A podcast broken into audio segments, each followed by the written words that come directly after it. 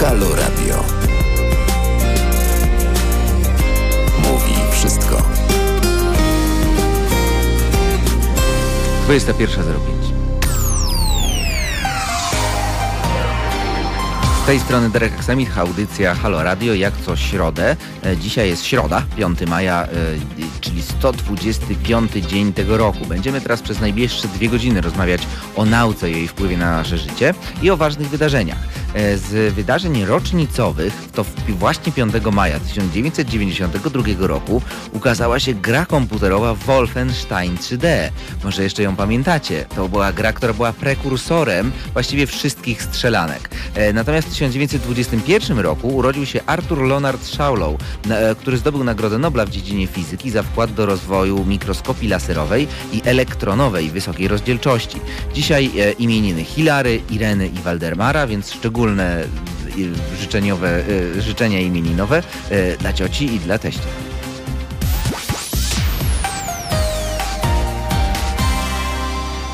Nie wspomniałem, że 240 dni zostało do końca roku, a to wydaje się dość jeszcze odległą perspektywą. Natomiast już raptem kilka dni, bo dosłownie raz, dwa, trzy dni e, dzielą nas od e, najbliższego pikniku naukowego Polskiego Radia i Centrum Nauki Kopernik, w skrócie zwanego piknikiem naukowym. E, I o tym porozmawiamy w drugiej godzinie z Anną Długajczyk z Fundacji Marsz dla Nauki i z Instytutu Biochemii i Biofizyki Polskiej Akademii Nauk.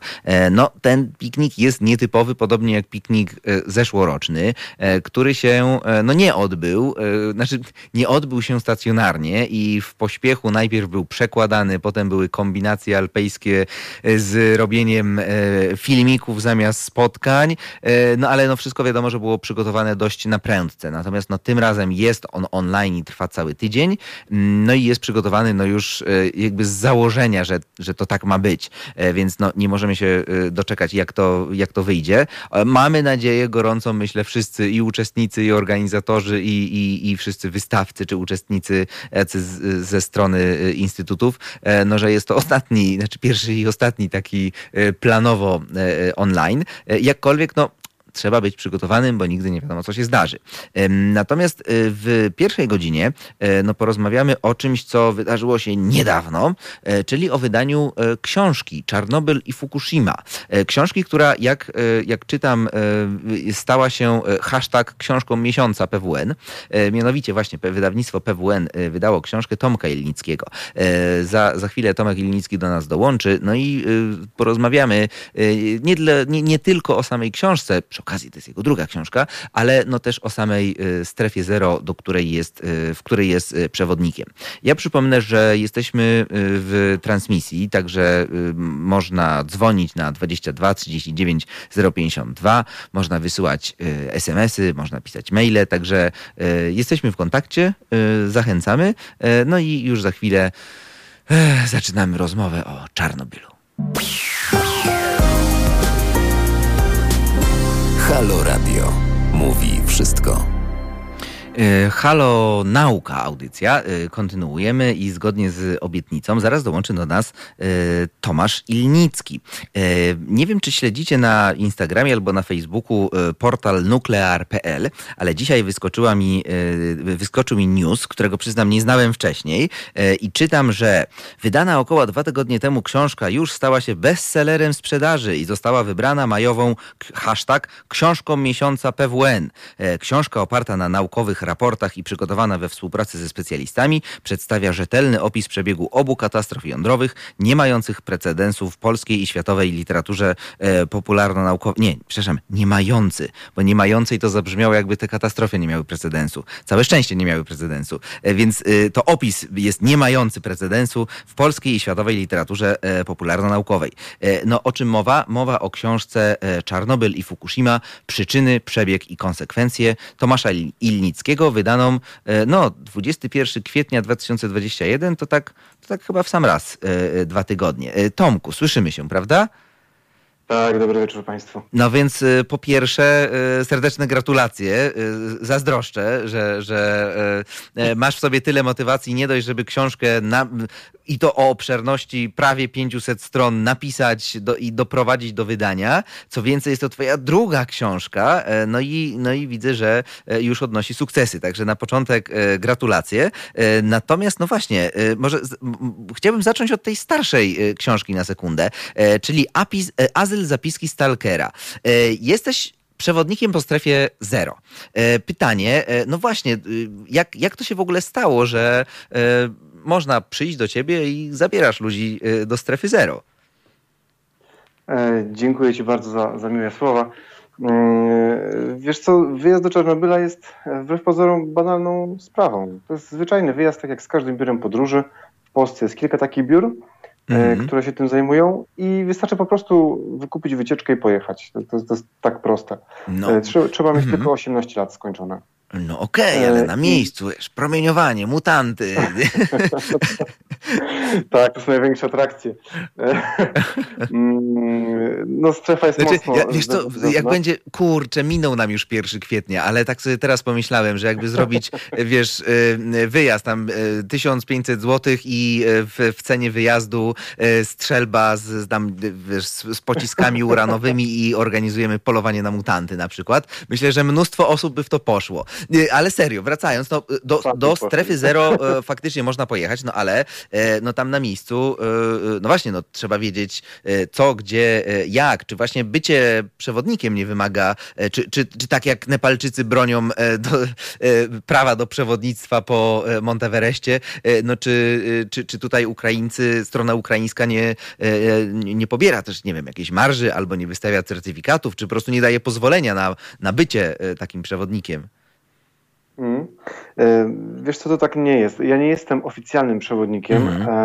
bo obcokrajowcy dopiero w zeszłym roku e, mogli zostać, zostali dopuszczeni do bycia ofic oficjalnymi przewodnikami, bo każda grupa, czy nawet pojedyncza osoba, która chciałaby strefę odwiedzić, mm musi mieć przyporządkowaną osobę właśnie licencjonowanego przewodnika -hmm. strefowego.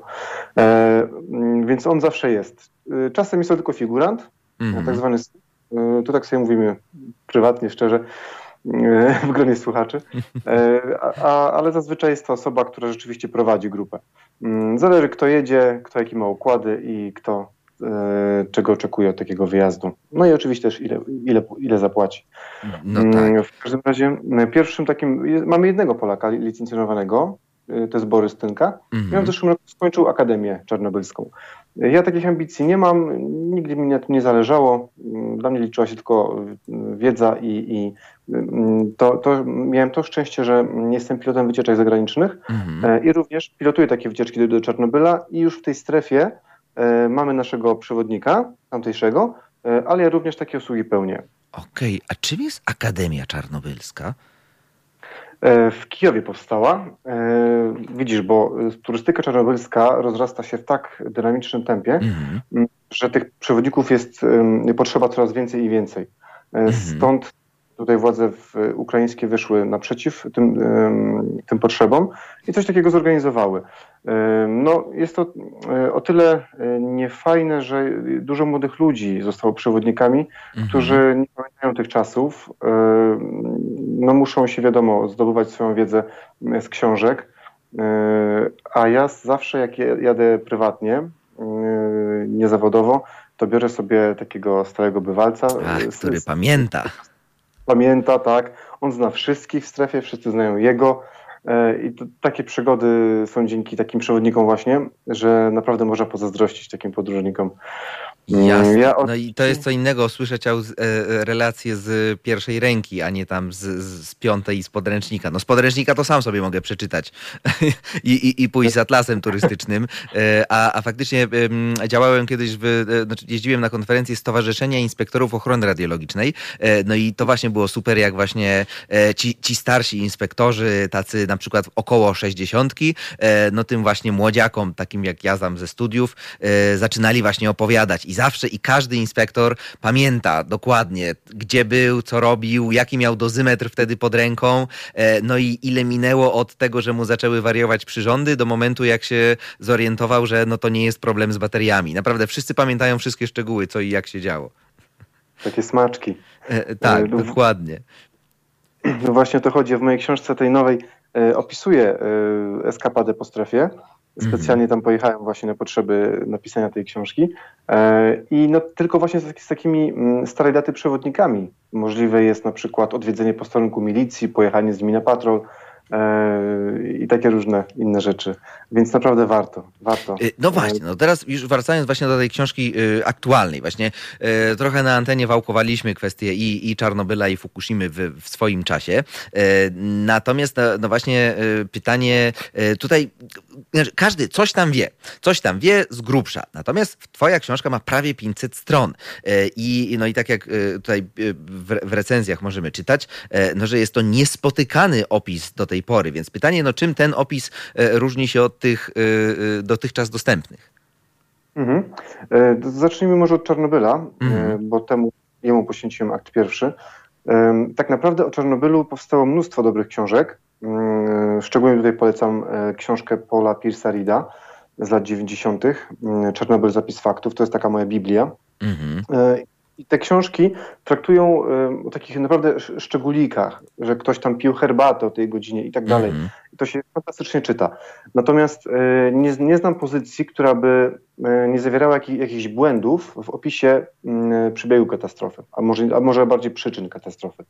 E, I to mnie zawsze bolało. Na przykład fajna książka Sergieja Pokiego, uznanego historyka ukraińskiego o Czarnobylu, wyszła też niedawno. Mm, I tam jest y, taki, on się powołał na błędne źródło, całkowicie -hmm. fałszywe, mówiące o śmierci tych trzech tak zwanych nurków, którzy weszli tam pod reaktor do tych kanałów. Y, ci ludzie do dzisiaj żyją, to, przepraszam, dwóch z nich żyje, trzeci mm -hmm. umarł temu na, na zawał serca. Mm, jeden z nich przyjechał do Polski dwa lata temu. Miałem przyjemność też się z nim spotkać. I nawet tak uznani naukowcy dają się -hmm. nabrać pewne sfałszowane historie. Więc to tylko świadczy o tym, jak bardzo zakłamana jest historia Czarnobyla. E, y, ja Szczęśliwie w serialu oni, y, do, serial na pewno oglądałeś, Czarnobyl, y, właśnie pamiętam, że oni wyszli i chyba im, im, nic nie było. W sensie, że to, to było i w napisach końcowych i e, ten, ten fakt był sprostowany w serialu. Tak, oni się kontaktowali z, z jednym z tych nurków i on im wszystko opowiedział, więc mieli dobry, dobry research zrobili. E, I mm, no właśnie, mamy w Polsce specjalistę od reaktorów RBMK. E, mówię tutaj o Rafale Miniko z Państwowej Agencji Atomistyki. I ja z nim konsultowałem wiele rzeczy, bo mhm. wiedziałem, że jak on mi coś powie, to to będzie e, no, najbliższe prawdy. Mm, I to, jest, I to jest właśnie wyjątkowe w moim opisie przyczyn katastrofy. Że, że z takim no, prawdziwym frikiem, takim szaleńcem, mm. jeżeli chodzi o te reaktory radzieckie, e, porozmawiałem. E, on nawet, pamiętam, do, do jednego z operatorów odnalazł e, maila i tam mailował z nim, wypytywał różne rzeczy. Naprawdę niezwykły człowiek mm, i to mi bardzo pomogło. Plus oczywiście czytanie raportów, których nikt nie chce czytać, nawet specjaliści. Bo są za grube.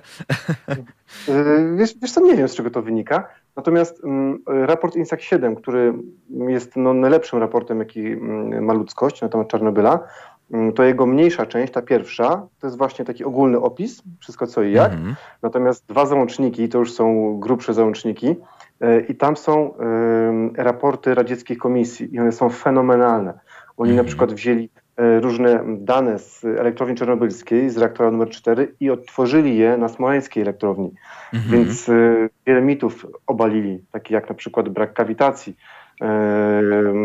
na, na wlocie do pomp za, za, zarzucano tam mm, operatorom wiele błędów, potem okazało się, że tak nie było, no ale to trzeba się wgłębić w te raporty, żeby się o takich rzeczach dowiedzieć. E, no właśnie, to jest no, tysiące stron, żeby, e, żeby się e, do tego dowiedzieć. No właśnie, jak widać, no i tak nie każdemu źródłu możemy, możemy ufać. A, ale właśnie widzę, że to, to, co chyba też tę książkę wyróżnia, to to, że faktycznie nie dość, że sięgnąłeś do mm, specjalistycznych źródeł, to też no właśnie pytałeś specjalistów. Zresztą przy okazji w naszej audycji kiedyś był i Adam Rejewski i Paweł Gajda, także przy okazji Fukushimy właśnie rozmawialiśmy o reaktorach w ogóle, więc, więc również i oni byli z tego co pamiętam gdzieś, gdzieś tam z nimi się też konsultowałeś.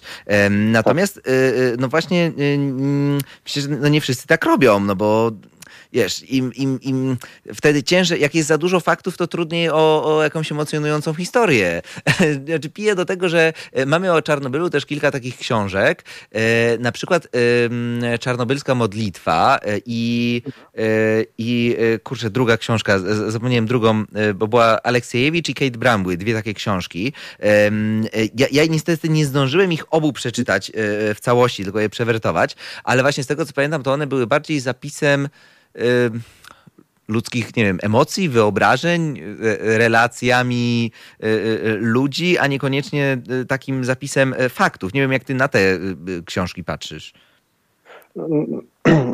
Ta pierwsza pozycja, pani Aleksiejewicz, no nie można jej traktować jako źródło wiedzy, mhm. bo to są wspomnienia ludzi, ludzi, którzy się nie znają na tej tragedii, nie znają się na energetyce jądrowej, na promieniowaniu, więc tam są bardzo wartościowe ich opowieści mhm. pod pewnym względem. Mm, jak na przykład y, żona zmarłego strażaka, która opowiada, mm, jak je oszukano, żeby nie pojechały do Moskwy. Mhm. To są wartościowe informacje.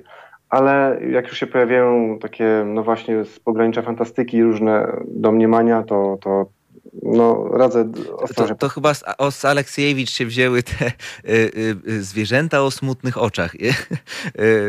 Pewnie tak. Taki, taki ustęp, gdzie, gdzieś cały czas mi to wyskakuje przy okazji jakichś antyatomowych relacji rocznicowych o, o Czarnobylu. Tak. Właśnie dwugłowe dzieci, czy tam dwugłowe wilki i, i w ogóle krowy o smutnych oczach i, i inne takie. Okej, okay, czy to, to jest zapis ludzkich przeżyć, ale no z tą gwiazdeczką, że te ludzkie przeżycia były, no właśnie, to nie jest relacja faktów, tylko tego, e, no coś, co się z kimś tam e, e, tak. działo.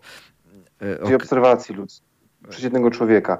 Mm. Z kolei Kate Brown w swojej książce dużo świetnej pracy dziennikarskiej. Mm. Natomiast ja to tak odebrałem całą treść tej książki, że nic się wielkiego nie stało, w związku z tą katastrofą, a ta pani usilnie stara się powiedzieć, że, że to była jedna z największych katastrof, mm. jeżeli chodzi o promieniowanie.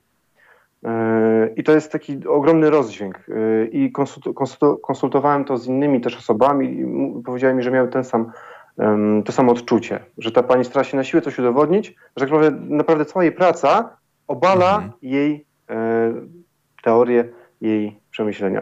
Mm. Też trzeba uważać na tą książkę Bola taká, no.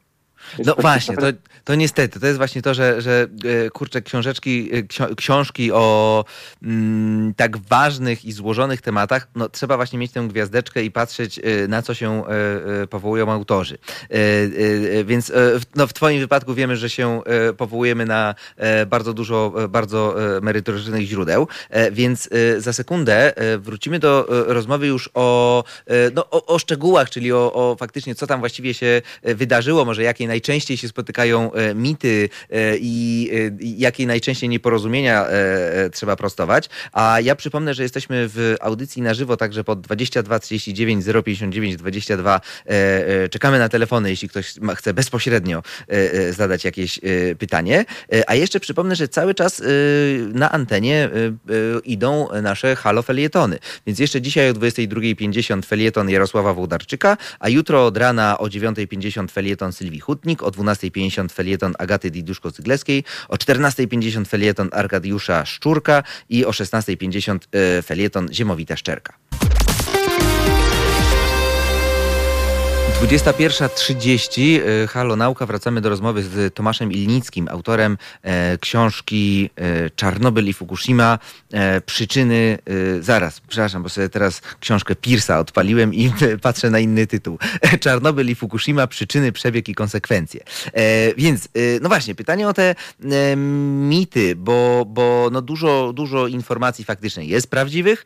z serialu Czarnobyl no wiele się dowiedzieliśmy, szczegółów, które no oczywiście musiały być zaadoptowane trochę na potrzeby serialu, e, ale, ale e, no, no tyle, ile się dało w, w tam pięciu czy sześciu odcinkach e, upchnąć, no to jakoś to wyszło. Natomiast no właśnie pytanie do ciebie Tomku, gdzie są właśnie takie miejsca, gdzie widzisz taki największy rozdźwięk między tym, co faktycznie się wydarzyło, a tym, no właśnie jak to funkcjonuje w, w odbiorze publicznym? No przede wszystkim liczba ofiar. Mhm. To jest chyba naj, naj, największy mit, jaki pokutuje. Wmawiało się tym wszystkim biednym ludziom, że promieniowanie zabija.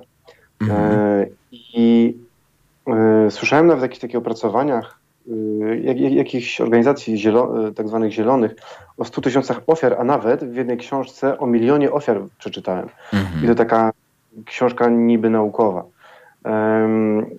Z obowiązku przeczytałem ją do końca. Mhm. E, w każdym razie tych ofiar mamy kilkadziesiąt, bo zginęło 28 strażaków, dwóch um, operatorów, e, no i to jakiś tam jeszcze pan zawału serca dostał. E, więc powiedzmy, że w wyniku, nie wiem... Jeszcze piloci, piloci śmigłowca. Ale to już jest akcja likwidacji tak. w awarii. To tak jakby zginęli mm -hmm. w mhm. katastrofie samochodowej, tak? Mm -hmm. Nie można w promieniowaniu tego mm, zarzucić.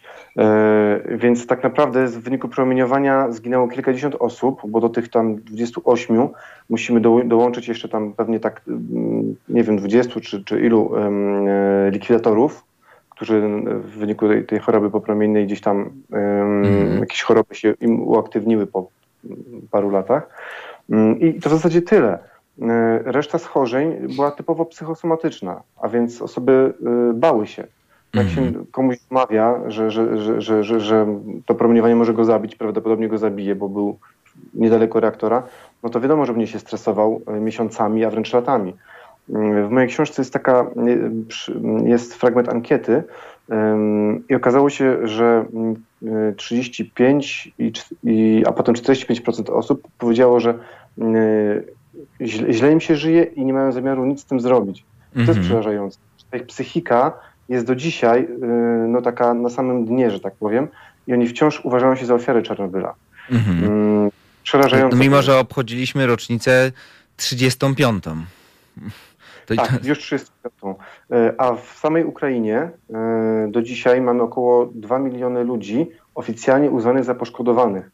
E, a pamiętajmy, że wielu wykorzystało ówczesny chaos, żeby się na taką listę dostać, bo to są e, środki finansowe, to są różne przywileje, zniżki. E, I do dzisiaj nawet nieoficjalnie istnieje taka lista, przepraszam, mhm. cennik, ile kosztuje dostanie się na taką na listę tych właśnie osób poszkodowanych, żeby te świadczenia mieć. Przecież nawet urzędnicy w roku katastrofy specjalnie jechali na przykład tam na parę godzin do tej strefy i potem wracali, e, rzekomo w celach służbowych, żeby uzyskać taki status właśnie likwidatora. E, to, mm. to, wiesz co, to mi przypomina jedną taką historię e, jeszcze z PRL-u, że znaczy cały czas w, wtedy funkcjonował i dzisiaj nadal funkcjonuje dodatek za pracę w narażeniu na promieniowanie jonizujące. Ja nawet przez chwilę, jak byłem zatrudniony w Centralnym Laboratorium Ochrony Radiologicznej to e, też miałem ten dodatek, który wynosił 50 zł miesięcznie, ale, e, no, ale to też wynikało z tego, że e, no, no, no, no nie siedziałem przy, nie wiem, przy reaktorze, tylko no, no, nie, nie byłem bardzo narażony, o tak bym to ujął. Niemniej była taka historia właśnie z historii Celoru, że w pewnym momencie ta ilość wypłacanego dodatku w jakiś sposób zależało od tego, jaką się dostaje dawkę. I e, na, na, są różni ludzie zatrudnieni w promieniowaniu, łącznie z na przykład po prostu pracownikami fizycznymi, e, no, których niekoniecznie ktoś przeszkolił, o co w tym właściwie chodzi, ale wiedzieli, że jak dozymetr pokaże dużo, to dostaną potem e, więcej pieniędzy. I że były podobno sytuacje, tylko mówię, powtarzam to trochę jako, znaczy to w kronikach gdzieś tam jest, ale jako taka półanegdota, no, że właśnie celowo pracownicy się gdzieś tam trzymali trochę bliżej czy tam reaktora, czy źródła, żeby dozymetr wykazał trochę więcej i żeby tam no, nie wiem, dziesiąt czy set złotych na koniec miesiąca więcej e, dostać. E, więc ale jakby to tak, ale to, że ludzie kombinują, no to jest myślę głęboko w naszej e, gdzieś tutaj słowiańskiej naturze. Oczywiście. E, ale właśnie, ale sama w ogóle, no strefa zero, e, no to też, e, no to nie jest miejsce, czy, czy, czy chociażby Arka, no to nie jest tak, że Ukraińcy zostali sami z problemem, no tylko tam szerokim strumieniem też płyną pieniądze. Nie pamiętam kwot, jakie tam poszły na Arkę, ale to chyba w miliardach już było liczone. Tak. Ogromne pieniądze mm, poszły w to, bo Rosja zostawiła w zasadzie Ukrainę z tym mhm. problemem. E, no ale świat się zrzucił. Budowa Arki kosztowała 2,1 miliarda euro. Mhm. Z tego Bank Światowy pół miliarda wyłożył. No i cały świat, w tym Unia Europejska, Polska również. Mhm. Początkowo była to kwota 1,6 miliarda. Proszę mhm. teraz zobacz, aż o pół miliarda urosło wszystko. Fakt, że no pewne rzeczy stały się droższe i tak dalej, ta, mhm koszty się rozrosły, ale też ogromna korupcja w, no, w Ukrainie. E, przerażające, jakie oni tam pieniądze mm, mhm. ukradli.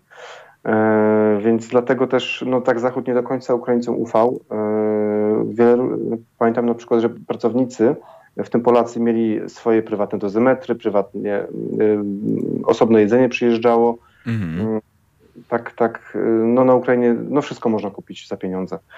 Mm, policję można przekupić bez problemu. Mhm, e, no niestety. Kolega, tak. kolega tutaj też mówił właśnie, że w Polsce musi super pracuje, bo on może sobie założyć firmę i on zarabia pieniądze. A na Ukrainie to musi dać y, łapówkę regularnie urzędnikom, bo jak nie, to mu zamkną tą firmę. Mhm. No, albo przyjedzie kontrola e, nieplanowana z urzędu skarbowego, A. albo się zacznie e, poszukiwania. Właśnie, e, właśnie z tego, co słyszałem tutaj e, e, godzinę przede mną, e, redaktor Bysiek właśnie wałkował temat, jak, jak zamknięto jeden lokal w Warszawie, gdzie właśnie zaczęto wyciągać wszystko, absolutnie wszystko, co tylko się dało, no aż, aż się przedsiębiorca nie, nie złamie po prostu. Mm, e, no dobra, ale wracając właśnie, czyli mamy, mamy strefę, tam e, kwitnie e, turystyka i mówisz, że nawet ten ruch turystyczny się rozwija. A czy, czy byłbyś w stanie powiedzieć właśnie tak z grubsza, chociaż w liczbach, jak, jak duży jest ten ruch? Bo no, gdzieś tak osób, które były w Czarnobylu, tak myślę, że w powszechnej opinii to się wydaje, że to jest jakaś taka garstka, a na, na tu się okazuje, że całe autokary jeżdżą. Znaczy, rozumiem, że to nie jest Sharm Sheikh, to, znaczy, to, to nie jest y, y, lazurowe wybrzeże ani, ani Dolina Królów, ale jednak no to chyba też nie są pojedynczy eksplorerzy. E, w 2019 roku, bo może od tego roku zaczniemy, mm -hmm. bo to był ostatni normalny rok przed tak, pandemią. Tak, tak, tak. Strefy odwiedziło, odwiedziło 124 tysiące turystów. Nawet po wow. tysiąc dziennie e, przyjeżdżało, tak. Były takie kolejki, pamiętam, musieliśmy się uwijać niesamowicie, żeby nie stracić czasu na zwiedzanie tej strefy, mm w tej kolejce. Um, jak jeździłem z grupami jeszcze. E, no teraz to wiadomo, zahamowało przez pandemię, ale już, już były takie prognozy, że 200 tysięcy przekroczy w roku 2020. No mhm. niestety mm. wiemy, co się wydarzyło, więc to było niemożliwe. E, są trzy sklepy z pamiątkami, dwa na wjeździe do strefy, jeden w strefie, plus we wszystkich sklepach w Czarnobylu, mm. tam mhm. jest pięć sklepów spożywczych z pamiątkami, więc biznes kwitnie. Może mm. kupić sobie kubki, magnesy, maskę gazową, no cuda, nawet powietrze z Czarnobyla Yy, tak, jest, jest, coś takiego. Yy, a nawet i mapę yy, mhm. autorstwa Sebastiana Marciaka, yy, mieszkającego w Warszawie. Jedyna mapa, profesjonalnie wykonana. Yy, tak, polecam Sebastiana. E, świetną mapę stworzył, fenomenalną. Nawet przewodnicy czarnobylscy z niej korzystają. Więc to, to się stał wielki biznes. E, od kiedy prezydentem został Wołodymir Zełęński, mhm. on taką ustawę wprowadził, taki dekret, mm, e, który ma uczynić ze strefy atrakcję turystyczną. Mhm. Ja się temu sprzeciwiam, ja tak sobie zawłaszczam trochę tą strefę, ale uważam, że ten ruch turystyczny powinien być mocno hamowany. E, uważam, że warto odwiedzić strefę, bo to jest wspaniała lekcja historii, mhm. ale nie aż tak masowo, bo turyści ją zadeptują, niszczą wszystko. E, no już do historii przysz, przysz, przyszły sytuacje, w których na przykład wyciągali te napromieniowane e, kaski strażaków, bo do dzisiaj te ubrania i kaski strażaków mhm. są w szpitalach w Prypeci mm, i oni je wyciągali na zewnątrz, więc władze strefy się wkurzyły, zasypały piachem wejście do piwnicy. Ach, no i, i w tym momencie nie są dostępne dla nikogo. Nie, są dostępne. Tak, jak, jak się wie z kim pojechać. Tak, tak. Aha. E, ale to jest, mhm, to, jest, to jest bardzo ciekawy wątek, bo tak, tak jak e, mówimy o dowolnym ruchu turystycznym, no chociażby, nie wiem, w Tatrach, no to właśnie pojawia się ten, ten ta, taki e, no spór, że z jednej strony tak, pokazujmy ludziom to, co ciekawe, wartościowe, rozwijajmy ich tutaj wewnętrznie, ich wrażliwość, niech zobaczą te Tatry, to coś w nich się poruszy, a z drugiej strony potem się pokazuje, ile milionów idzie na sprzątanie śmieci rozrzuconych po parku, albo no właśnie, że ktoś kamieniami zatłukł niedźwiadka w Dolinie Chochołowskiej. No i, no i gdzieś jest ten, trzeba to wyważyć, żeby z jednej strony pokazać ludziom coś ciekawego, ale z drugiej, żeby tego czegoś nie zniszczyć. No i tutaj strefa czarnobylska jest ciekawym miejscem, bo no właśnie jest to rezerwat, e, czy, e, gdzie dużo mówi się o tym, jak to przyroda się e, odradza, właśnie jak ludzi tam nie ma. Natomiast no właśnie z tego, co słyszę, to no nie zawsze jest tak kolorowo i nie wszystko się odradza tak, jak powinno. No niestety, ale jest to królestwo zwierząt, królestwo przyrody, strefa, ona ma w ogóle, jest duża, ma, ma powierzchnię mniej więcej tyle co Luksemburg. Mhm. Poziom promieniowania jest niższy niż w Polsce, bądź taki jak w Polsce, z punktami oczywiście o podwyższonym, takim jak elektrownia czy rudy las, bądź przechowalniki mhm. na zużycie e, wypalone. E, ale generalnie jest to jak najbardziej bezpieczne, warto tam pojechać zdecydowanie. Ale bardzo cię proszę jakieś pytanie dotyczące Fukushimy. To akurat mamy trzy minuty, więc pytanie chyba tylko jedno. Znaczy kusi mnie, żeby spytać o radioaktywną wodę, która została w Fukushimie, po Fukushimie, bo o tym się od miesiąca mówi w kółko. Natomiast no, już to chyba mało aktualne, bo to woda już 10 lat tam stoi. Tak. Ale, ale jeśli, jeśli chcesz, to możesz o tej wodzie, no chyba, że coś innego twoją uwagę szczególnie w Fukushimie przyciąga. Już pierwsze recenzje pojawiły się mojej książki. Mhm. E, obu jest napisane, że bardzo drobiazgowo opisałem Fukushimę, ca mhm. całą tą katastrofę. To właśnie, właśnie z, z, tego powodu, że jest mnóstwo fantastycznych materiałów i mhm. raportów technicznych, naukowych e, i z tego jestem bardzo dumny, bo to zrobiłem tak totalnie samodzielnie w zasadzie. Mhm. E, Gajda tam nie musiał za dużo e, poprawiać, mhm. bardziej szczegóły. E, więc to jest, e, nie spotkałem się nigdy z tak obszernym i szczegółowym opracowaniem mhm. i to takim moim powodem do dumy. A wracając do tej wody, no to ona przecież będzie mniej radioaktywna, mniej będzie zawierała tego trytu tak. niż woda w kranie. Tak. Ludzie tak się niektórzy boją. E, nawet Korea Południowa protestuje, bo ich przemysł może rybacki ucierpieć. Mhm. Mm, teraz co z tym zrobić? Czy jakoś edukować tak mi się wydaje, że na, po prostu przymusowo edukować ludzi, czyli na przykład codziennie jakieś e, programy, y, tak żeby dotrzeć do, do mas mm -hmm. i tłumaczyć im, że można to normalnie jeść te ryby, nic się nie wydarzy. Mm -hmm. No niestety to jest, to jest znowu ten case, wcześniej wspominamy, znaczy ilość kampanii strachu i, związa- i, no i dezinformacji też związanej z Czarnobylem faktycznie negatywnie odbiła się na ludzkim zdrowiu. No i niestety, no im mniej wiemy, e, tym, tym, tym gorzej dla nas. E, no i jest niestety efekt nocebo, e, czyli odwrotność efektu placebo. Jak się czegoś boimy, to naprawdę nam to może zaszkodzić.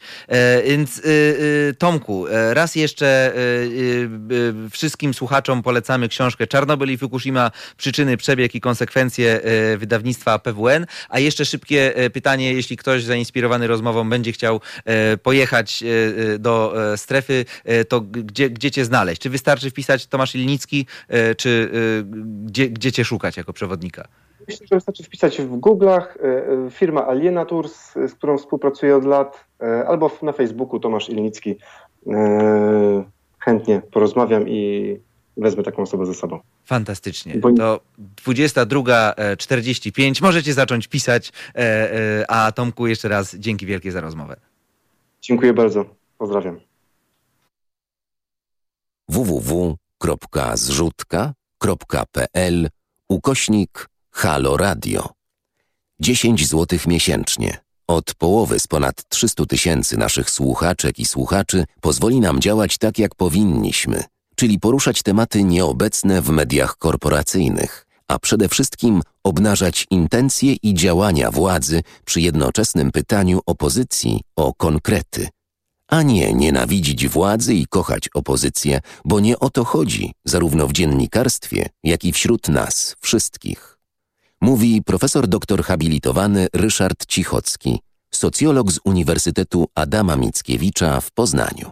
O, to jest piękny wskaźnik na koniec istotą kompetencji obywatelskiej jest to, czy mamy krytyczny stosunek do polityków i każdego polityka od, y, od, oceniamy krytycznie, czy zakochujemy się w politykach.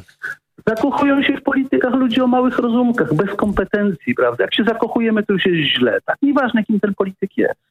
Wszystkie informacje na temat możliwości wspierania Halo Radia, w tym płatności elektronicznych i zwykłych przelewów bankowych, na stronie www.halo.radio ukośnik SOS.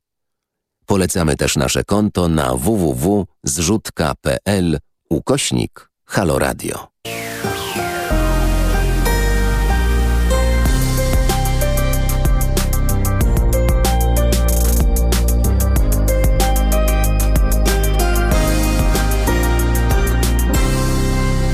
21.50. E, jesteśmy znowu na żywo pod 22 39 059 22 i mm, właśnie całą godzinę rozmawialiśmy o Czarnobylu i o Fukushimie, więc poza tym, że e, polecam zapoznać się z książkami opartymi o rzetelne źródła lub wręcz, jeśli jesteście anglojęzyczni, to zapoznaniem się też bezpośrednio z tymi źródłami, no tylko właśnie w tym problem, że one są grube, czasem to są techniczne y, tomiska, opasłe. Y, sam, sam raport y, o Fukushimie to jest pięć tomów. Raport ANSKER, czyli Międzynarodowego Komitetu do Spraw Skutków Promieniowania Jonizującego. To jest pięć tomów po chyba 300-400 tomów każdy, więc w skrócie, żeby naprawdę tak w szczegółach to znać, to to trzeba parę tysięcy stron przeczytać. Natomiast no, papier zniesie dużo, można tego nie czytać i napisać różne straszne rzeczy o właśnie zwierzętach o smutnych oczach, które cierpią i dzieciach dwugłowych, i, i pokazywać obrazki wyciskające łzy w oczy. Natomiast, e, no właśnie, to jest ta różnica, czy, czy chce się być rzetelnym, czy nie. E, więc bardzo zachęcam, żeby jednak korzystać z e, rzetelnych źródeł i myślę, że ta rzecz, która jest najbardziej uderzająca, tutaj z Tomkiem się zgadzamy, też postawił to na pierwszym miejscu, no to jest właśnie ta szacowana liczba ofiar Czarnobyla.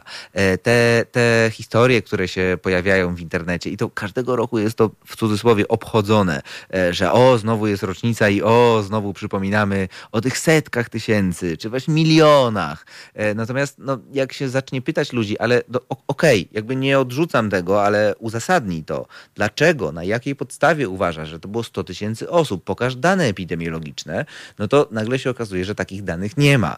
E, I e, faktycznie to o kilkadziesiąt osób to mamy ofiary śmiertelne, które zginęły w krótkim czasie, albo natychmiast w ciągu dni tygodni, albo w troszkę dłuższym w perspektywie miesięcy. E, i trochę osób z e, nowotworami, ale no to są właśnie, to, to, to są, e, oczywiście to są każda pojedyncza śmierć to jest tragedia, ale my tu mówimy o kilkudziesięciu, już nawet zaokrąglimy do stu e, tragedii, a nie, no właśnie, setek tysięcy. E, więc e, mam nadzieję, że te liczby no po prostu w końcu wyjdą z e, tego obiegu, no bo niestety powtarzając sfałszowane informacje, no przyczyniamy się do bardzo złej rzeczy, czyli no do, jak tu mówił Goebbels, kłamstwo powtórzone tysiąc razy staje się prawdą i przychodzi moment, w którym no takie rzeczy można napisać w podręczniku i nawet dzieci to czytają, no i, no i w sumie nawet po co to uzasadniać, no przecież wszyscy wiedzą, że tak było. Dlatego jednak zachęcam do wejścia na stronę stronę ANSKER, WHO e, i przy wszystkich ich e, wadach i problemach, no jednak, żeby mówię, opierać się o e, rzetelne źródła, ewentualnie odwiedzić stronę Ministerstwa Klimatu i Środowiska i zobaczyć film, który też nagrywaliśmy i z okazji Fukushimy i Czarnobyla. I znowu, pamiętajcie, że jeśli słuchali, słuchaliście audycji o akcji, o kampanii A dowodzik jest, jeśli ktokolwiek cokolwiek twierdzi, no to trzeba go spytać, no ale jakie są dowody? Czy jak uzasadnić uzasadnisz e, e, to, co mówisz. Więc w momencie, kiedy ja mówiłem o Czarnobylu lub Fukushimie, no to mogę na każdą podaną tam liczbę zacytować źródło, e, którego wiarygodność każdy może ocenić. Natomiast no właśnie w Polsce w latach tych 86 do, do 1990 bardzo dużo ludzi wypowiadało się również o Czarnobylu, w tym ludzi z doktorami, z, z tytułami naukowymi. Był co więcej, do dzisiaj jest doktor e, Jerzy Jaśkowski, który e, wtedy właśnie też mówił o jakichś masowych grobach. Do tego stopnia to poruszyło środowisko naukowe, że Polskie Towarzystwo Fizyki Medycznej e, wydało wtedy, zarząd główny powołał komisję, która, miała zbadać rewelacje wypowiadane przez doktora Jaśki, przepraszam, Jaśkiewicza. I okazało się, że liczby, które podawał, właśnie tak jest punkt po punkcie. Twierdzenie, komentarz, twierdzenie, komentarz, twierdzenie, komentarz. Właśnie to było zafałszowane. Tysiąckrotnie to było zafałszowanie. Sto tysięcy razy to jest po prostu nieprawda, to jest liczba zafałszowana milion razy i tak dalej, i tak dalej. I krótko mówiąc, można być nawet wykształconym lekarzem, nawet mieć doktorat i po prostu kłamać w żywe oczy. E, no i e, dlatego no pamiętajcie, że niestety również i tytuł naukowy nie sprawia, że ktoś nagle ma rację albo mówi prawdę, więc zawsze bądźmy ostrożni i sprawdzajmy źródła. 22, 21, 55, kropka.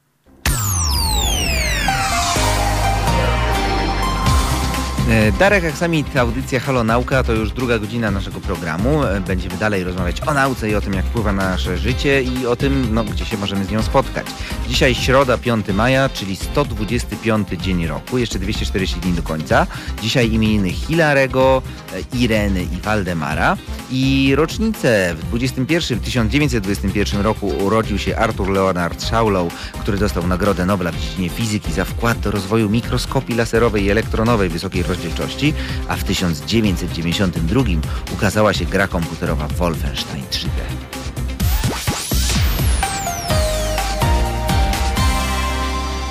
22.06. Nie wiem, którą z tych dat uznajecie za najważniejszą, ale no, znaczy ten, ja Wolfensteina 3D pamiętam, bo 92, 92 e, to nie, to, to jeszcze nie chodziłem do podstawówki, ale, ale no już niedługo e, miałem komputer w domu. O, tata był informatykiem, więc, e, więc byłem jednym z pierwszych dzieci na osiedlu, które miały taki komputer z procesorem 386, e, tak zwanym, e, który był na następcą procesora 286, przy czym no to nie jest numer seryjny, tylko częstotliwość taktowania, więc Więc to e, e, porażające prędkości. No i, no i jeszcze pamiętam, że to była gra na dyskietkach. Już nie 3,5 calowych, ale tych mniejszych, tych normalnych, e, po których został nam do dzisiaj symbol zapisu w programach.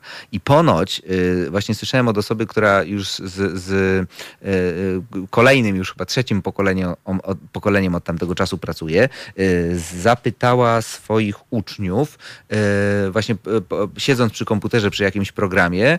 Mm, co, e, nie, inaczej, e, przepraszam, e, przy okazji informatyki pokazała uczniom dyskietkę i zapytała, co to jest.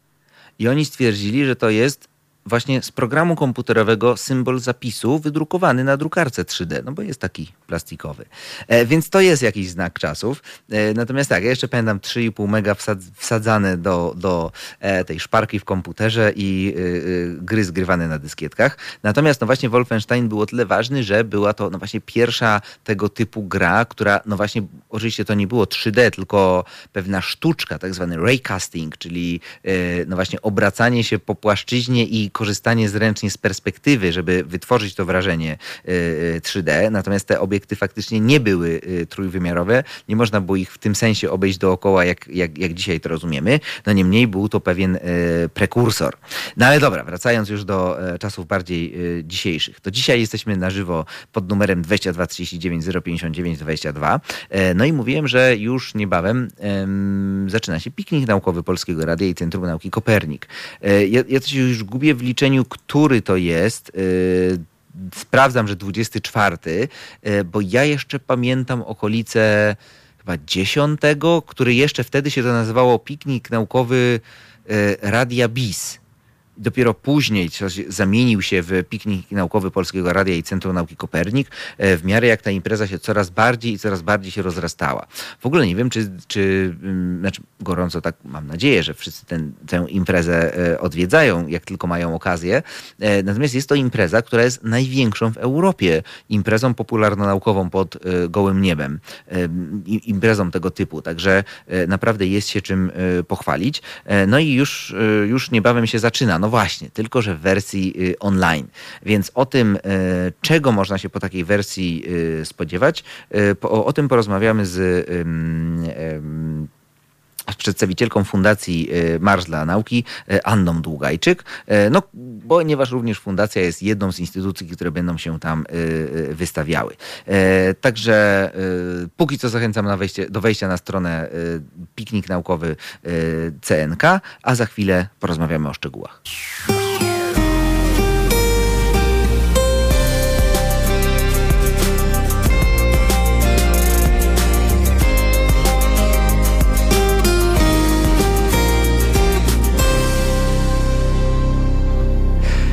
Halo Nauka 22.40 7.14 e, i wracamy do rozmowy o pikniku naukowym Polskiego Radia i Centrum Nauki Kopernik numer 24.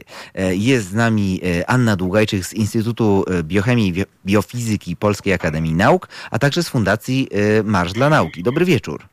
Dobry wieczór. No i co z tym piknikiem? No bo piknik tradycyjnie dział się w sobotę, e, od rana do późnego wieczora, no a e, no i można było się na żywo spotkać z naukowcami. To była jego wielka, na, e, e wielka e, zaleta. No a w tym roku coś się pozmieniało coś się pozmieniało, dosyć dużo się pozmieniało ze względu na pandemię, ale tutaj organizatorzy postarali się, Centrum Nauki Kopernik i Polskie Radio postarało się, by zachęcić e, wystawców z całej Polski, ale również z zagranicy do tego, żeby e, pokazali swój program, którym chcą się dzielić w wersji online.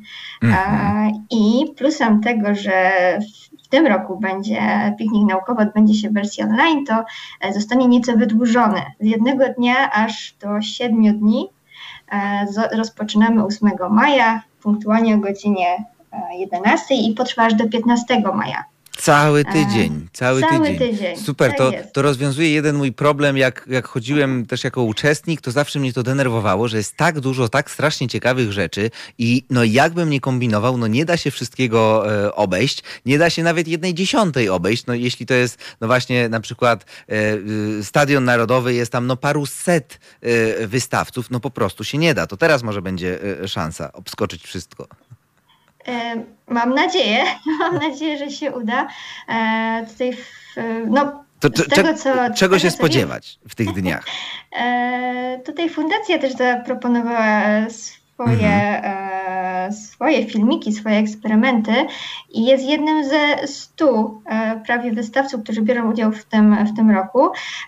Co jeszcze muszę podkreślić, to to, że tematem przewodnim tegorocznego pikniku naukowego jest klimat i my, zachodzące mm-hmm. zmiany klimatu. I e, piknik e, naukowy zawsze jest podzielony na tak zwane strefy e, tematyczne.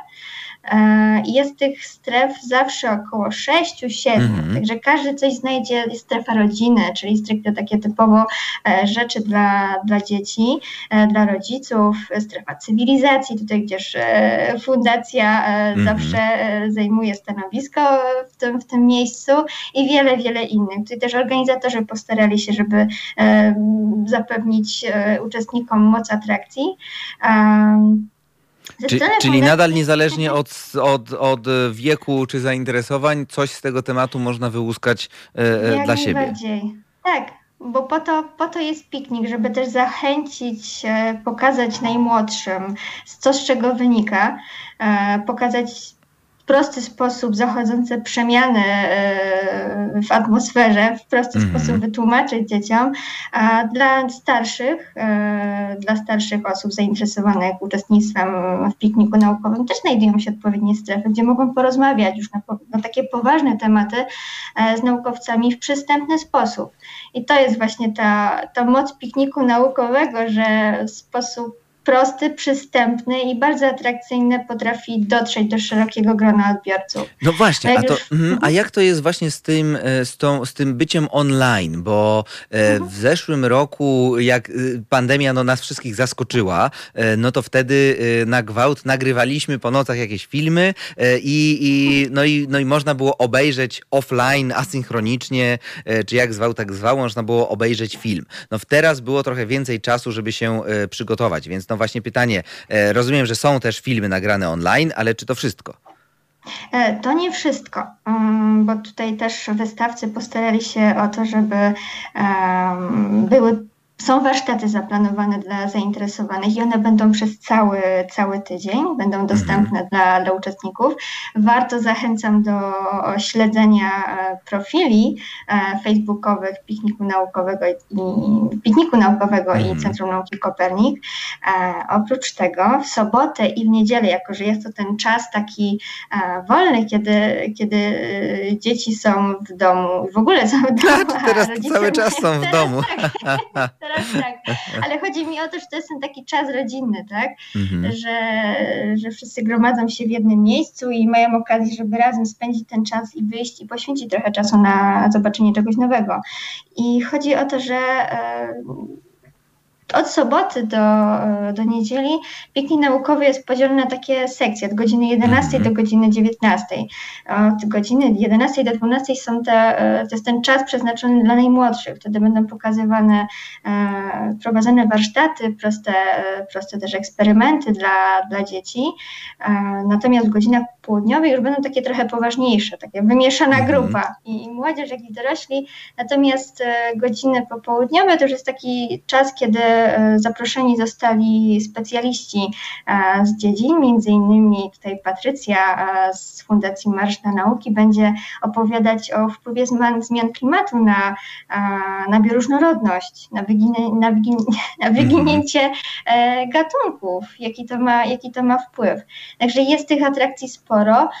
Organizatorzy również zaznaczają, że mm, można poprzez zalogować się na warsztaty są dostępne poprzez e, formularze zgłoszeniowe. Mhm. E, także jak najbardziej e, zachęcamy i, i, zapraszamy do, do udziału, do uczestnictwa, bo można naprawdę wiele ciekawych rzeczy się dowiedzieć.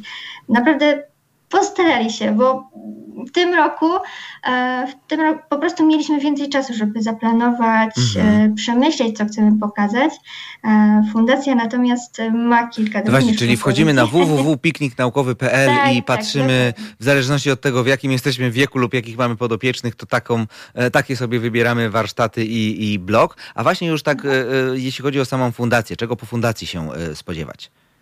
Fundacja ma dość bogaty, znaczy dość bogaty, bardzo bogaty program. E, mm, stworzyliśmy, mamy film, e, kilka filmików. Jeden mówi o tym, jak zmiany klimatu wpływają na rozszerzanie się populacji kleszczy, że one już mhm. wcześniej zaczynają się pojawiać ze względu na to, nie, że... Nie, tylko nie Tak, one. tak, tak. One już zaczynają wcześniej buszować po, po lasach i po łąkach, gdzie tylko się da. Także na to też musimy zwracać uwagę, że to no, to jest niebezpieczne.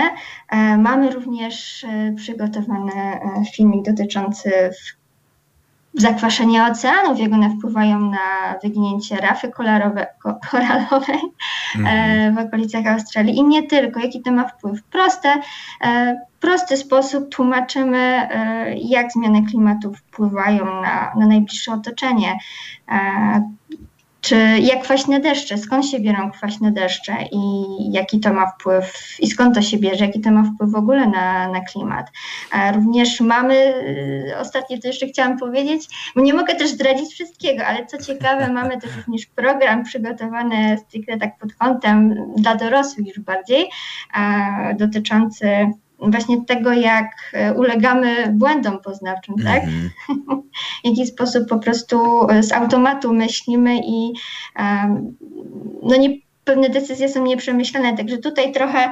E, no jak trudno naszym zmysłom e, e, tak, zaufać. Tak. Gościliśmy już nie pamiętam chyba trzy albo cztery tygodnie temu panią prezes Fundacji Marsz dla Nauki i przy okazji jedną z, z organizatorek akcji A dowodzik jest, więc wtedy odsyłam słuchaczy do, do tamtej audycji z Dominiką Surałą. Rozmawialiśmy wtedy właśnie o, no, o krytycznym myśleniu, o tym jak niestety, jakie to jest trudne, żeby rzetelnie rzetelnie oceniać rzeczywistość wokół nas. To jest naprawdę trudna sztuka i nasz mózg słabo się do tego nadaje. Trzeba się naprawdę wysilić, e, e, żeby to zrobić. No a przez to jesteśmy często łatwym celem do e, manipulacji. Więc tym bardziej się cieszę, że Fundacja ponownie zwraca na to uwagę i, i, i choć trochę daje nam narzędzi, żeby jednak no, no zobaczyć ten świat takim, jakim on jest, a nie takim, jakim chcielibyśmy, żeby on był. Tak jest. O to chodzi właśnie. No i bardzo się cieszę, że to udało się zrealizować. E, także warto śledzić również profil Fundacji Marsz dla Nauki, która, mhm. która przygotowuje i, i, stara się e, szerzyć prawdziwe, szerzy prawdziwe informacje, walczy z fake newsami. E, tak na marginesie mówiąc też fundacja zaangażowała się w organizowanie takiego wydarzenia, cyklicznego wydarzenia poświęconego fake newsom, o tym jak im przeciwdziałać. Mhm. A które, którego? Bo jest, ja się czasem gubię, bo tyle rzeczy fundacja robi, że ja się gubię. E, e, bo, bo, jak zaczęłaś mówić o, o, o, innym wydarzeniu, to mi się przypomniało, e, że fundacja organizowała kiedyś spotkania w pubie pod nazwą Nauka w pubie i, i właśnie odbyły się dwa i przyszła pandemia. I niestety e, e, się wszystko skończyło i właśnie mam nadzieję, że jeszcze jakieś knajpy przetrwają, jak się pandemia skończy, to te, te spotkania wrócą. E, a, a te spotkania o fake newsach, to jest, to jest która akcja? To jest wydarzenie organizowane z Akademią Górniczo-Hutniczą, tamtejszą mhm. katedrą, dos, która, która postanowiła E, nawiązać współpracę z fundacją i mm, pierwsze wydarzenie, jakie miało, odbyło się pod koniec marca i tematyka krąży wokół fake newsów, mm. e, natomiast y, co co 3-4 tygodnie mamy zapras zapraszamy innych gości, specjalistów w tej dziedzinie, którzy mówią o tym, jak walczyć z fake newsami, z postprawdą, czym ona jest, e, tematyka koronawirusa, bo to właśnie chodziło, samo to wydarzenie ma za zadanie podkreślić taką e, rolę, rolę naukowców, że to oni e, no szerzą, że to oni są takim źródłem prawdziwych informacji. Też chodzi o takie społeczne, społeczne zaufanie mhm. e, do, do naukowców. I to wydarzenie również cieszy się sporą popularnością. I mm-hmm. tak no jak niestety, pan... naukowy mm-hmm. cieszy się sporą popularnością, bo mamy też nadzieję, że mimo, że on odbywa się on, on online, tak zmieniając temat, mm-hmm. odbywa się online, to przyciągnie mnóstwo, sporo osób. E, tej Darku, jak powiedziałeś, jaka pogoda ma być w przyszłym tygodniu, także będzie sprzyjająca. E, organizatorzy zachęcają do, do tego, by by zabrać ze sobą laptopy, tablety i móc pooglądać gdzieś na łonie natury. E, żeby, tylko był, żeby tylko był zasięg. E, a, no, słusznie, e, słusznie, żeby nie, nie siedzieć cały czas w domu przy komputerze. E, a mhm. właśnie się zastanawiam od strony takiej organizacyjnej, no bo już z jednej strony mhm. przywykliśmy wszyscy, że wszystko dzieje się online, no i, ale, i ma to swoje wady i zalety. No i z jednej strony e, no super, że na przykład zwiększa się dostępność, szczególnie dla osób, które są na przykład z daleka od centrum wielkiego miasta i, i mogą, jak rozumiem, uczestniczyć w pikniku, będąc e, no dosłownie w dowolnym miejscu Polski, gdzie tylko jest internet. No a z drugiej strony wszyscy trochę już mamy dość e, e, tych cholernych komputerów. Nie wiem, jak właśnie jako, jako tutaj współorganizatorka, czy jako, jako, jako wystawczyni, jak, jak na to patrzysz? Czy, czy właśnie już nie możesz się doczekać, aż wrócimy do realu, czy, czy jednak więcej możliwości daje organizacja zdalna? I to jest ogromna różnica, bo ja mam, miałam, tą, mam, miałam i mam nadal tą przyjemność właśnie być koordynatorką zespołu, e, który jest zaangażowany w przygotowania e, mm. takiej organizacji, inaczej tutaj w fundacji, e, w piknik naukowy. I te emocje, które towarzyszą piknikowi naukowemu, który odbywa się stacjonarnie, są nieporównywalne do tego, co dzieje się online. To znaczy, e, w dniu pikniku naukowego dzieje się dużo. To są emocje, przychodzi mnóstwo ludzi zainteresowanych e, rozmową, złaknionych nowej wiedzy, informacji. I to, jak ludzie, mimo że człowiek jest bardzo zmęczony tego dnia, bo to jest jednak mm -hmm. no, kilka godzin intensywnej pracy, rozmów z ludźmi, to ten pozytywny taki feedback, e, komentarze i, i pochwały, no to tak działają motywująco na człowieka, E, to jest, to jest fajne. E, natomiast co do przygotowania online, mm, łatwiej było mi ogarnąć. To znaczy, mm -hmm. jest to o tyle dobrze, że łatwiej po prostu ogarnąć szybciej. Trochę więcej czasu również y, jest na takie przygotowanie tego programu, ale no te emocje jednak już nie są, nie jest to samo. Natomiast y, ja dostrzegam w tym plusy, bo tak jak też powiedziałeś Darku i też o tym, jak mm. zastanawiałam się nad tym, co powiedzieć i jak zachęcić właśnie ludzi do udziału w pikniku naukowym online, to właśnie um, kiedy on się odbywał w stacjonarnie nie wszyscy może mają tutaj dostęp albo mm -hmm. możliwość przyjechać tego dnia 8 maja.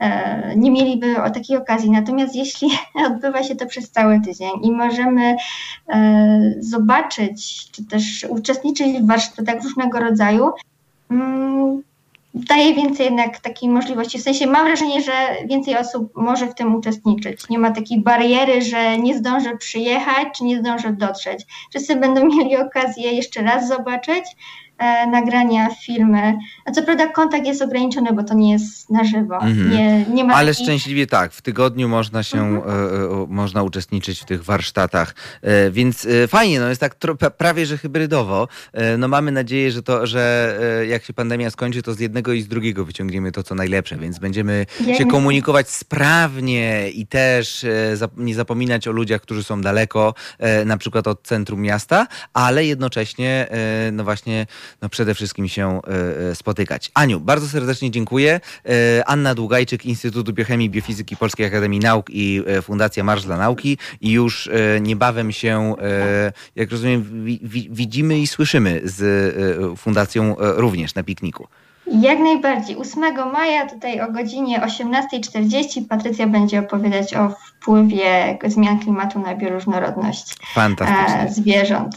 Także e, miłego, miłego słuchania. 22.30. Dziękuję bardzo. Dzięki.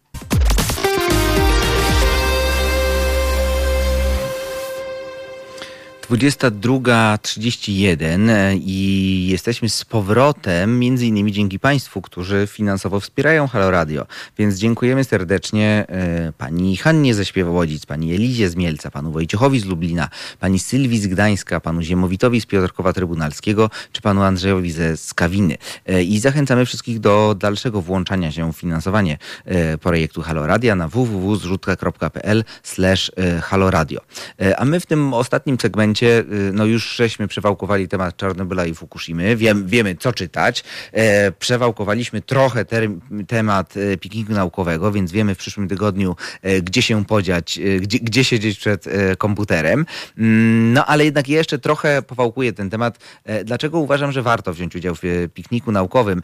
Albo mówiąc szerzej, no, w dowolnej imprezie tego typu. Piknik faktycznie jest szczególny na mapie no, nie tylko Polski, ale i Europy. No właśnie dlatego, jak, jak wspominałem, wspominałem dwie godziny temu e, we wstępie, no jest to największa tego typu impreza popularno-naukowa e, pod gołym niebem, dziejąca się na, na tym kontynencie, a pewnie i na świecie, tylko podejrzewam, że komunikat był tak skonstruowany, bo no nie było danych z zewnątrz, ale, ale e, tu mówimy o dziesiątkach tysięcy osób, które odwiedzają no, no, grubo ponad 100 e, instytucji, które się wystawiają, więc jest to potężna impreza i pamiętam tę imprezę no, od, od zawsze, że o, z perspektywy mojego życia ona się działa od zawsze e, i pamiętam jak rodzice mnie e, ciągnęli jako dziecko w miejsce, które no, no było absolutnie fantastyczne, bo jako dziecko no, chodzące do takiej zwykłej szkoły gdzieś tam na obrzeżach Warszawy, do, do zwykłej publicznej podstawówki, miałem bardzo często bardzo fajnych nauczycieli, ale no, bynajmniej no, nie miałem, szczególnie w tamtych czasach, no, nie było, bo już, dobra, pominę już wątek, że nie było komputerów, więc nawet trudno było czasem pokazać film, na którym coś się dzieje spektakularnego, a co dopiero mieć w pracowni fizycznej, chemicznej czy biologicznej sprzęt, na którym można coś y, pokazać. To, że na, w pracowni biologicznej był y, przestarzały mikroskop z lusterkiem odbijającym światło, żeby oświetlić próbkę i że można było cokolwiek tam zobaczyć, to już potrafiło być hipnotyzujące. No, więc teraz jak się wybraliśmy na taki piknik naukowy, a tutaj wystrzeliwują wulkany chemiczne, a tutaj leje się ciekły azot hektolitrami, e, a tutaj są pokazywane mikroskopy, w których e, no, da się dostrzec jądro komórkowe, a nie to, że no patrzcie tam w cebuli, o te małe kropeczki to są komórki. Tylko my tu widzimy naprawdę no, w ogóle nie w tej, e, nie w tej skali, gdzie można było przede wszystkim no właśnie spotkać naukowców, takich prawdziwych. Nie to, że no ktoś tam w podręczniku coś napisał, pewnie tak jest. Można było porozmawiać z ludźmi, którzy tworzą tę naukę, które dokładają te swoje cegiełki. No dla mnie jako dziecka to było absolutnie e, no, no po prostu doświadczenie formujące. E, to, to bardzo mocne słowa, to, to, hasło doświadczenie formujące, ale faktycznie mam wspomnienie, że to we mnie zostało na bardzo długo i potem cała gdzieś później moja droga, chociażby związana z tym, że gdzieś jak przyszło do decyzji, gdzie iść do, do liceum, no to zdecydowałem się, że no koniecznie matwis. Potem miałem same jedynki, się okazało, że to był zły pomysł, no ale jednak w końcu się ogarnąłem i, i nawet poszedłem na studia na fizykę, na Politechnikę, ale nie wiem, czy skończył, czy zostałbym inżynierem i czy, czy zostałbym potem doktorantem, czy, czy zajmowałbym się nauką, gdyby właśnie nie te imprezy, festiwal nauki czy piknik naukowy. Więc myślę, że dla, dla dzieci szczególnie to jest absolutnie fenomenalne doświadczenie. Ale druga sprawa, no piknik to jest absolutnie nie tylko, e, nie, nie tylko dla e, dzieci, e, bo również pamiętam, będąc już no chociażby właśnie pracownikiem czy Politechniki, czy później Centralnego Laboratorium Ochrony Radiologicznej, również stałem w tych piknikowych namiotach i pamiętałem, że absolutnie każda grupa wiekowa się tam pojawiała e, i świetne było to, że można było toczyć dyskusje na bardzo różnych poziomach. Na przykład rozmawiając o promieniowaniu, e, no właśnie, no czasem rozmawia się z e, dziećmi, którym no można pokazać na przykład, że tam trzaska ten Geiger, jak zbliżymy go do takiej albo innej próbki i one robią wow, ale jak się pojawia licealista, który właśnie jest w matwizie, to można wejść głębiej, można przy nim rozmontować ten licznik, pokazać mu w szczegółach, jak on działa. Natomiast Natomiast pamiętam, że nagle przechodził mm, e, ktoś, kto z wykształcenia był weterynarzem e, i, i, zaczął, e, spytał, a w sumie skąd się biorą te, no właśnie choroba popromienna, uszkodzenia radiacyjne, nowotwory i tak dalej. I to jest rozmowa na zupełnie innym poziomie, no właśnie człowieka z, z wyższym, wyższym wykształceniem, tylko że z innej dziedziny, no ale jedną, jemu wystarczyło trzy zdania, no właśnie o tym, jak to promieniowanie wytwarza wolne rodniki w komórkach, które niszczą DNA i cały cała reszta jakby dla niego stała się e, jasna. E, no i były też osoby właśnie na przykład starsze, które na przykład pamiętały Czarnobyl. Ja bo jestem na to za młody i go nie pamiętam. E, mam na jego temat wiedzę książkową i plus z relacji z pierwszej ręki, no ale są osoby, które no, pamiętają to bardziej z gazet, a nie z raportów międzynarodowych komisji, więc y, dyskusja o tym, jaki jest obecny stan wiedzy i zestawienie tego z tym, y, co oni pamiętają i co oni słyszeli, a jak było potem, no to też się okazuje, że dla obu stron y, to było bardzo ciekawe spotkanie. I to jest Kolejny argument, tu już bardziej y, mówię od strony y, tych wszystkich specjalistów i ekspertów. Ten moment, w którym naukowcy, y, czy, czy mówię szeroko naukowcy, ale naukowcy, inżynierowie, specjaliści, eksperci, gdy wychodzą do społeczeństwa, to jest moment, w którym dzieją się przepiękne rzeczy. Bo nie dość, że w ogóle widać, że kurczę, naprawdę ludzie doceniają naszą pracę, chociaż na co dzień może tego nie widać, e, ale, ale tak, to co robimy jest fascynujące, ale e, też my się strasznie dużo uczymy właśnie w trakcie rozmowy z ludźmi, którzy są spoza naszej dziedziny. To jest właśnie ten efekt takiej świeżości, że ktoś nie będąc ekspertem, patrzy na sprawy z innego kąta i może zadać pytanie, które nas jest w stanie osłupić, bo no nigdy, nigdy o tym nie myśleliśmy w ten sposób. Studia, dowolne studia, trochę w jakiś sposób nas formatują.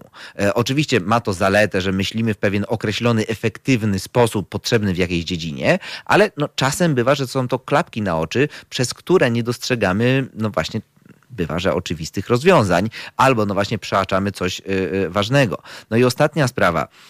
Komunikacja naukowa już nie, nie, zamiast mówić tak po prostu popularyzacja, wolę używać terminu komunikacja naukowa, bo komunikacja bardziej podkreśla, że to jest dwustronny proces, czyli obie strony procesu korzystają na komunikacji i obie strony procesu są zaangażowane w komunikację. Więc y, komunikacja naukowa, czyli dziejąca się wokół nauki, od naukowców do społeczeństwa i y, od społeczeństwa do naukowców, y, no to jest coś, co jest elementarnym, fundamentalnym składnikiem samego procesu tworzenia nauki. No, nie tworzymy nauki dla nauki. To nie jest tak, jak się brzydko mówi, sztuka dla sztuki.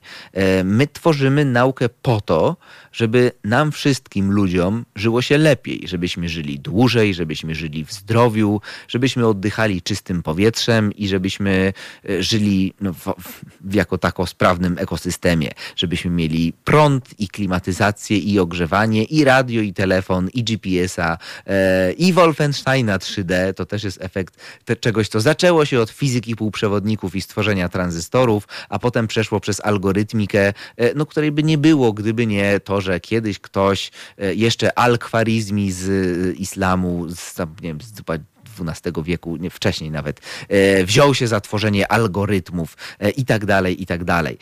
Więc mm, zawsze też mi się przypomina to piękne hasło, że jesteśmy karłami, ale stoimy na ramionach olbrzymów.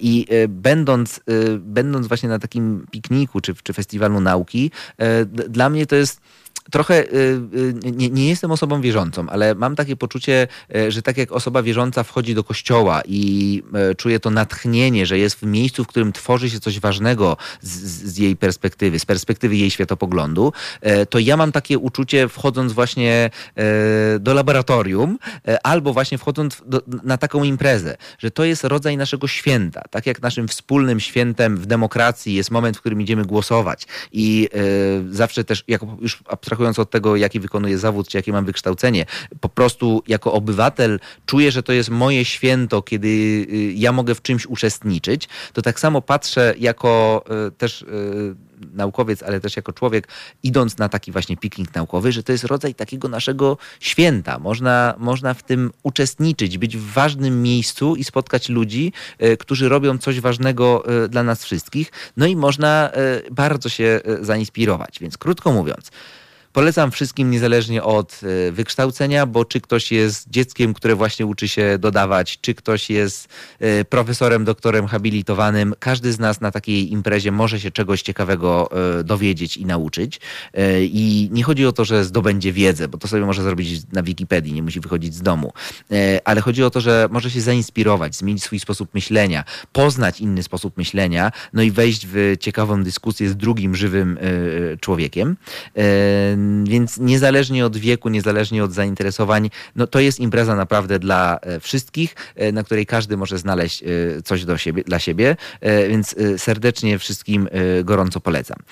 Natomiast, żeby spiąć obie części tej audycji, no to w pierwszej godzinie rozmawialiśmy o Czarnobylu. No i właśnie to jest też świetny przykład tematu, który no, z jednej strony jest no, tak do bólu naukowy, jak może być. No, konstrukcja reaktora RBMK, przebieg choroby popromiennej, czy dozymetria radioizotopów e, e, w przyrodzie. No, no, no, no, to po prostu no, to jest temat dla naukowców, inżynierów, dozymetrystów, epidemiologów. Z drugiej strony, no, to jest coś, co jest ważną, żywą częścią no, naszej zbiorowej pamięci. E, jest to temat obecny w popkulturze i nie da się rozdzielić faktów czysto naukowych, od ich interpretacji dokonywanej na potrzeby każdego z nas przez ludzi, w tym ludzi tam mieszkających, po instrumentalne traktowanie tej tragedii w polityce anty, antynuklearnej, e, przez e, świetne case e, do nauki tego, jak sprawdzać źródła, co jest rzetelnym źródłem, a co, a co nie, jak rozróżniać fakty od fake newsów, po, no w ogóle tak na marginesie, no świetny temat taki przygodowy, co najlepiej pokazał, opublikowany w mniej więcej ponad rok temu, bo to było zdaje się w pierwszym kwartale e, zeszłego roku serial e, e, Czarnobyl. Więc widzicie, że nauka nie jest tworzona w próżni, tylko jest tworzona dla społeczeństwa, przez społeczeństwo i ze społeczeństwem. E, więc ważne, żeby te nasze relacje e, krążące wokół komunikacji naukowej e, no były świadomie budowane, świadomie podtrzymywane i świadomie kształtowane. Więc życzę tego wszystkim i słuchaczom, i naukowcom, i wszystkim uczestnikom. A no, Centrum Nauki Kopelnik i Polskiemu Radiu zostaje podziękować za to, że no, 24 już piknik się odbędzie, pomimo wszystkich około pandemii pandemicznych e, problemów. E, więc wszystkim Wam życzę e, udanego, owocnego udziału w wykładach, warsztatach i całej reszcie. No i dziękuję za te dwie godziny. Jest 22.44. Dobranoc.